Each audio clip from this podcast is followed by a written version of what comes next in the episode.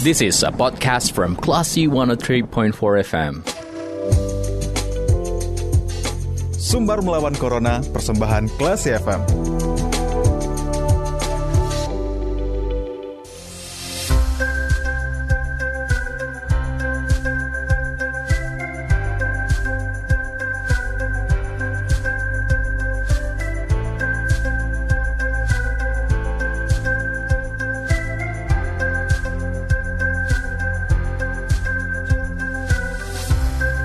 103,4 kelas FM, this is the actual radio. Classy people, saatnya Anda mencermati program Sumber Melawan Corona.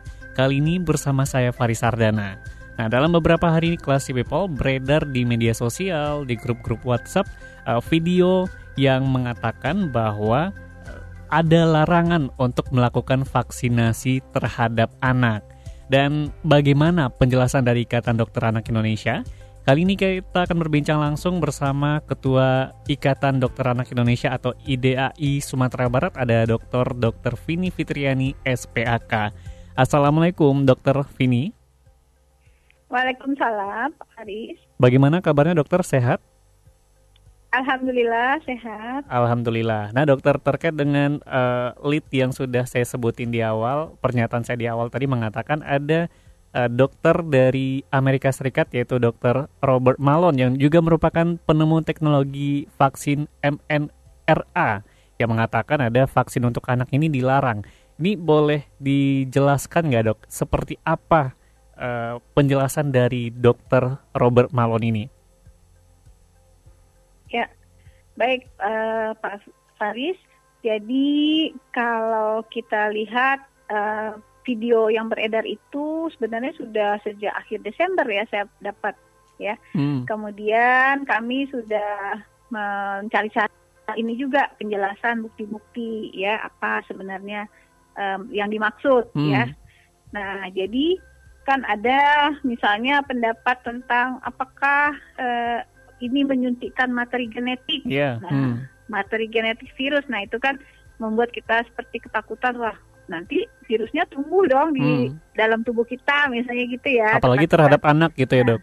Apalagi terhadap anak hmm. ya ya. Nah jadi nomor satu adalah bahwa uh, apa pun yang disuntikan secara massal itu pasti sudah melalui kajian yeah. ya.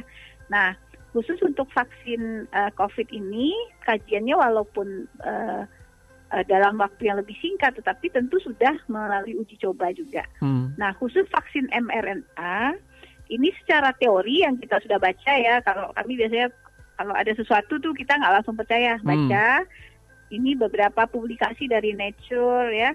Nah, itu mengatakan bahwa dari CDC juga bahwa sebenarnya uh, tidak menggunakan materi genetik. Jadi vaksin mRNA itu menurut informasinya tidak menggunakan materi genetik, tetapi mereka itu adalah suatu zat sintetik buatan yang seperti uh, ditujukan untuk menginstruksikan tubuh si anak atau tubuh kita manusia untuk membuat suatu uh, protein yang mirip dengan virus COVID. Hmm. Nah, kemudian dia protein inilah nanti akan merangsang sel imun untuk membentuk antibodi. Hmm. Nah, tapi uh, uh, uh, dan ini ini sebenarnya sesuatu yang yang uh, menarik ya, yeah. uh, hmm. lebih baik karena bukan menyuntikkan virus yang asli gitu. Nah, tetapi yang Robert Malone ini kan memang beliau penemu pada awal hmm. berapa puluh tahun yang lalu ya, yeah. 10 tahun yang lalu lebih ya. Nah, tahun 80-an atau 90-an. Nah, tetapi kan sampai dia saat ini si vaksin tipe ini disuntikan sekarang, hmm. itu bukan lagi yang asli seperti yang ditemukan itu sudah melalui berbagai riset-riset yang diperhalus oleh beratus-ratus orang peneliti yang kemudian akhirnya itu itu itulah yang sekarang disuntikan. Hmm. Jadi ini uh, uh, tidak seperti itu yang ditakutkan itu hmm. tentang materi genetik ya. Nah ini kan uh, vaksin anak saat ini sudah sedang digencarkan oleh pemerintah nih dok. Ada ya. masyarakat yang khawatir juga, ada yang sudah siap tapi tiba-tiba adanya pernyataan ini membuat orang tua makin khawatir. uh, iya, kita betul. boleh ngasih statement awal nggak dok? Berarti memang apa yang disampaikan oleh Dr. Robert Malone ini tidak benar ya dok? Ya, Ya, untuk kondisi sekarang itu tidak benar hmm. karena sebenarnya uh, uh, vaksin ini tidak lagi seperti yang awal dia temukan, tetapi hmm. yang sudah melalui berbagai penelitian-penelitian lanjutan ya ratusan yang kemudian telah diuji coba pada uh, uh, banyak sekali anak-anak ya biasanya itu ribuan uh, sampai ribuan anak ribuan sampel. Yeah. Nah itu uh, dan itu mengatakan efektif. Hmm. Efikasinya Jadi, juga sudah diuji kita ya dok? Ya, efikasi sudah diuji, hmm. uh, efektif dan banyak organisasi sudah mendukung dan organisasi seperti WHO, CDC itu kan mereka tidak mengeluarkan rekomendasi dengan oh boleh, bukan begitu aja mereka hmm. melalui rapat-rapat dan kajian-kajian yeah. gitu. Itu. Dan ya, jadi hmm. jadi artinya vaksin uh, anak sekarang untuk anak 6 sampai 11 tahun ini yang telah uh, melalui hasil uji coba penelitian, kemudian uh, sekarang itu diberikan kepada anak, nah itu aman, hmm. insya Allah. Nah, kalaupun misalnya ada kejadian yang tidak diinginkan, itu hmm. adalah suatu yang apa pun itu bisa terjadi. Hmm, Minum ya, obat paracetamol aja kita juga bisa. Hmm. Ada sesuatu. Jadi kita berjalan aja bisa kesenggol bisa. Nah, itu adalah sesuatu yang yang itu suatu kejadian umum hmm. saja, tapi secara keamanan uh, umum, keamanan yang massal itu sudah uh, dijamin. Hmm. Gitu. Berarti vaksin ya. anak adalah sesuatu yang aman dan menjaga anak dari paparan virus corona. Nah, dokter, iya betul. Uh, ini kan juga iya. statement-statement yang juga beredar di masyarakat terkait dengan uh, anak imunnya sudah baik, jadi nggak perlu divaksin. Ini boleh dijelaskan nggak dok bahwa vaksin ini adalah sesuatu yang wajib dan juga bahkan perlu diberikan kepada anak? Ya, jadi gini, uh, justru itu pernyataan yang kurang betul ya. Hmm. Yang imunnya lebih baik itu adalah dewasa. Ya, logikanya aja nih ya. Logikanya kita kalau seorang anak mulai dari bayi sampai umur 6 tahun, 10, itu kan dia berkembang, hmm. belum keluar rumah lalu keluar menghadapi berbagai bahaya. Lalu dia dia terpapar dengan berbagai bahaya. Yeah. Nah, uh, tetapi kalau pada anak justru dia kurang terpapar. Nah, yang apa artinya kurang terpapar terhadap sistem imunnya? Tentara-tentaranya itu baru dalam bentuk prajurit. Hmm. Nah, kita tahu lah ya prajurit itu uh, cuman bisa dodor-dodor nggak jelas gitu. Yeah. Apa beda? Apakah menurut Pak uh, kita itu prajurit itu sama nggak dengan tentara Kopassus? Uh, sepertinya Dengan berbeda dokter. 88 beda nggak? Beda sekali. Beda? beda sekali. Nah, beda sekali. Nah, hmm. fungsi dari vaksin adalah untuk latihan. Misalnya Kopassus untuk latihan menembak tepat harus ada boneka. Nah, itu dia. Vaksin itu itu semacam bonekanya untuk dia latihan. Apa arti? Kalau dia latihannya bagus dengan uh, yang musuh yang mirip sekali, maka nanti dia juga akan canggih. Begitu ada musuh yang seperti dia pernah latihan dia akan langsung maju. Prajurit nggak perlu lagi dia langsung ke pasusnya maju. Hmm. kalau ada bom densus 88 yang maju. Demikian juga. Kalau ada uh, virus covid maka uh, tentara atau tentara yang sudah tentara Kopassus yang sudah terlatih untuk virus covid lah yang maju nah hmm. gitu loh kira-kira gampangnya hmm. Demikian juga vaksin yang lain, eh, vaksin untuk kuman TBC, untuk yeah. BPT itu juga begitu. Sehingga di dalam tubuh si anak, kalau yang dia sudah divaksin dengan banyak vaksin, di dalam tubuhnya banyak tentara Kopassus berbagai jenis. Hmm. Tentara Kopassus untuk vaks, uh, untuk COVID, tentara Kopassus untuk kuman TBC, tentara Kopassus untuk kuman difteri misalnya. Yeah. Nah, jika sudah banyak itu siapa aja musuh yang datang dia udah maju duluan nih jatah gue nih gitulah hmm. kira-kira ya. Itu itu sederhananya hmm. sehingga sistem anak sudah kuat itu uh, uh, uh, sangat berlawanan dengan keimuan. Hmm, tidak benar ya dokter. Itulah yang uh, rentan terhadap berbagai macam uh, apa musuh. Hmm. Jika dia tidak dilindungi, hmm. maka lindungilah anak dengan vaksin supaya tentara Kopassusnya terhadap berbagai macam musuh itu terbentuk. Hmm. Itu. Dokter, rentan dalam artian ya. apakah anak rentan terpapar COVID-19 dan juga memaparkan kah dok?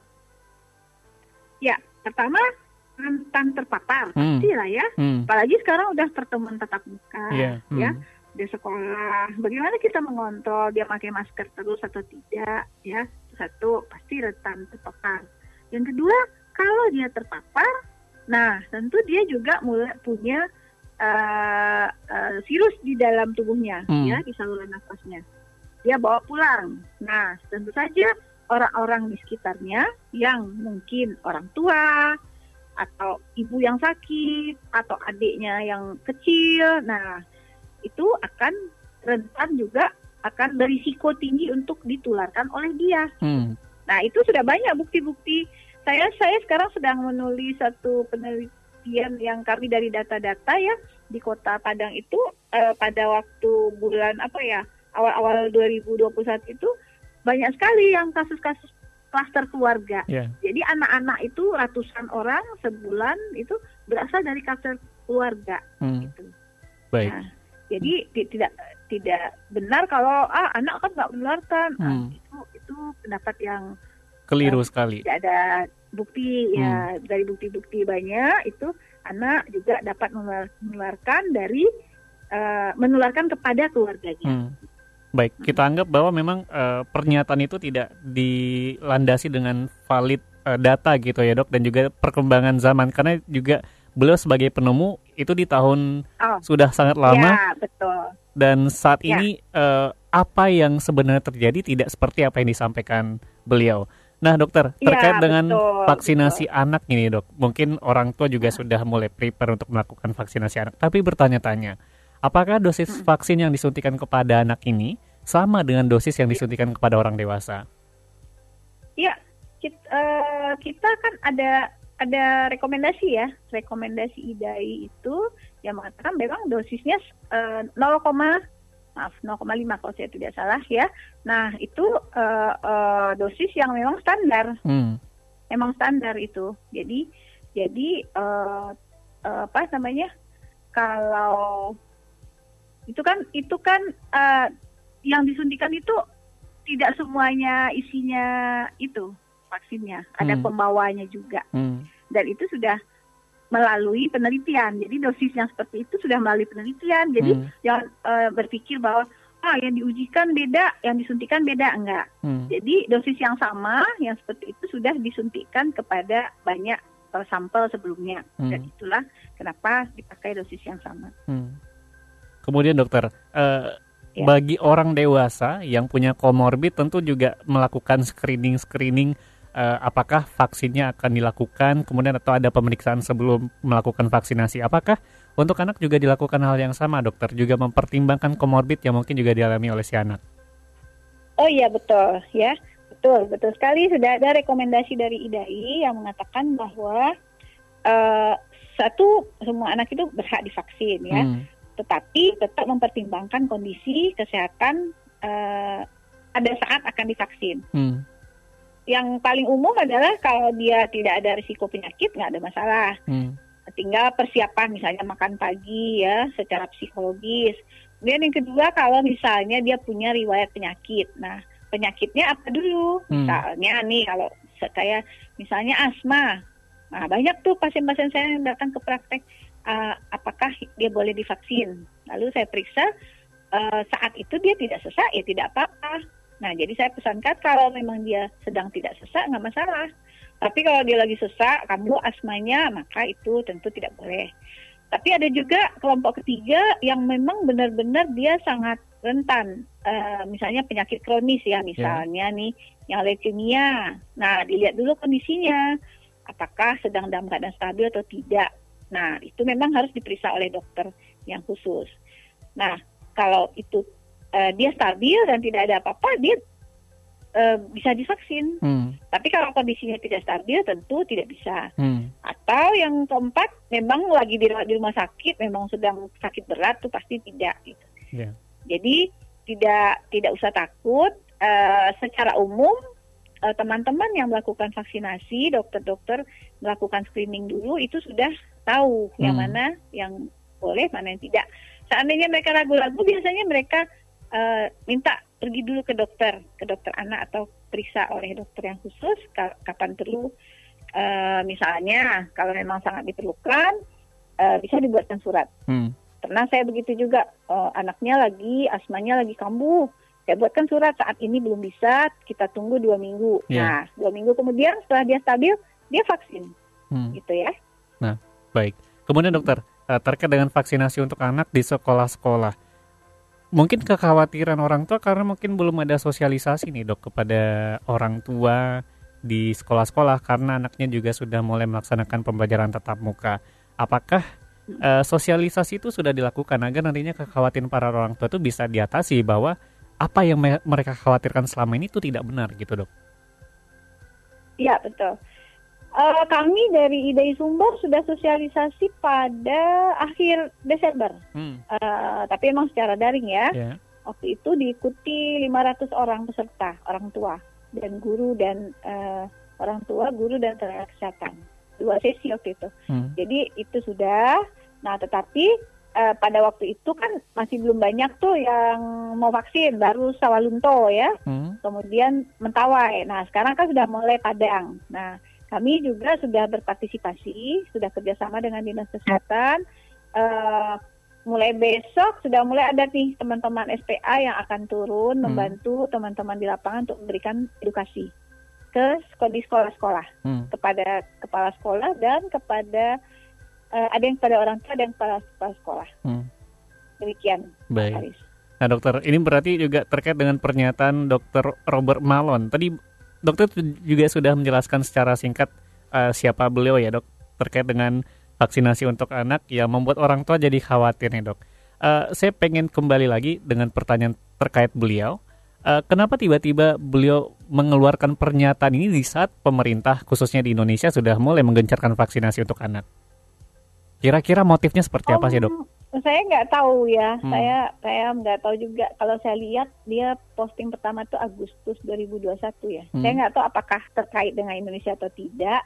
Saya rasa mungkin videonya udah lama beredar juga. Hmm tapi mungkin baru sampai ke kita buktinya saya udah dapat pertengahan Desember hmm. tapi nggak viral kan hmm. sekarang baru viral karena kita baru uh, uh, saya nggak tahu bagaimana tetapi tentu yang namanya pro kontra itu ada ya hmm. jadi uh, tentu ada yang yang uh, khawatir lalu lebih percaya kepada yang penjelasan seperti itu hmm. dan itulah yang diviralkan saya juga tidak tahu kenapa dia viral sekarang, tapi kami di IDAI termasuk teman-teman di uh, nasional juga uh, sudah berusaha memberikan penjelasan. Hmm. Malah ada mungkin nanti tambahan-tambahan penjelasan lagi yang yeah. bisa kita dengar dari hmm. Ketua PPI IDAI.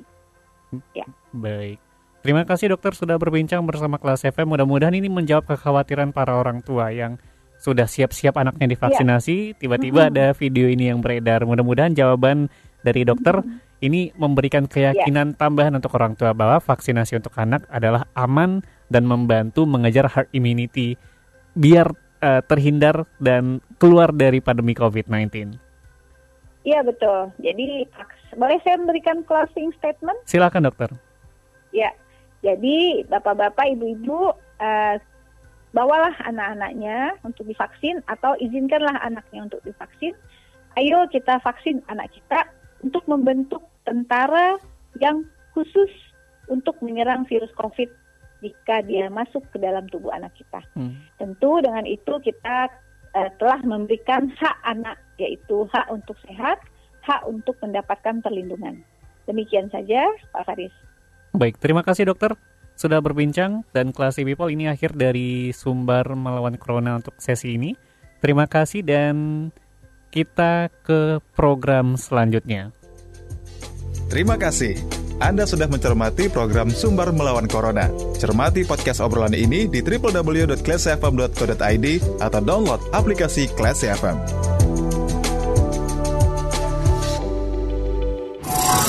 This is a podcast from Classy 103.4 FM.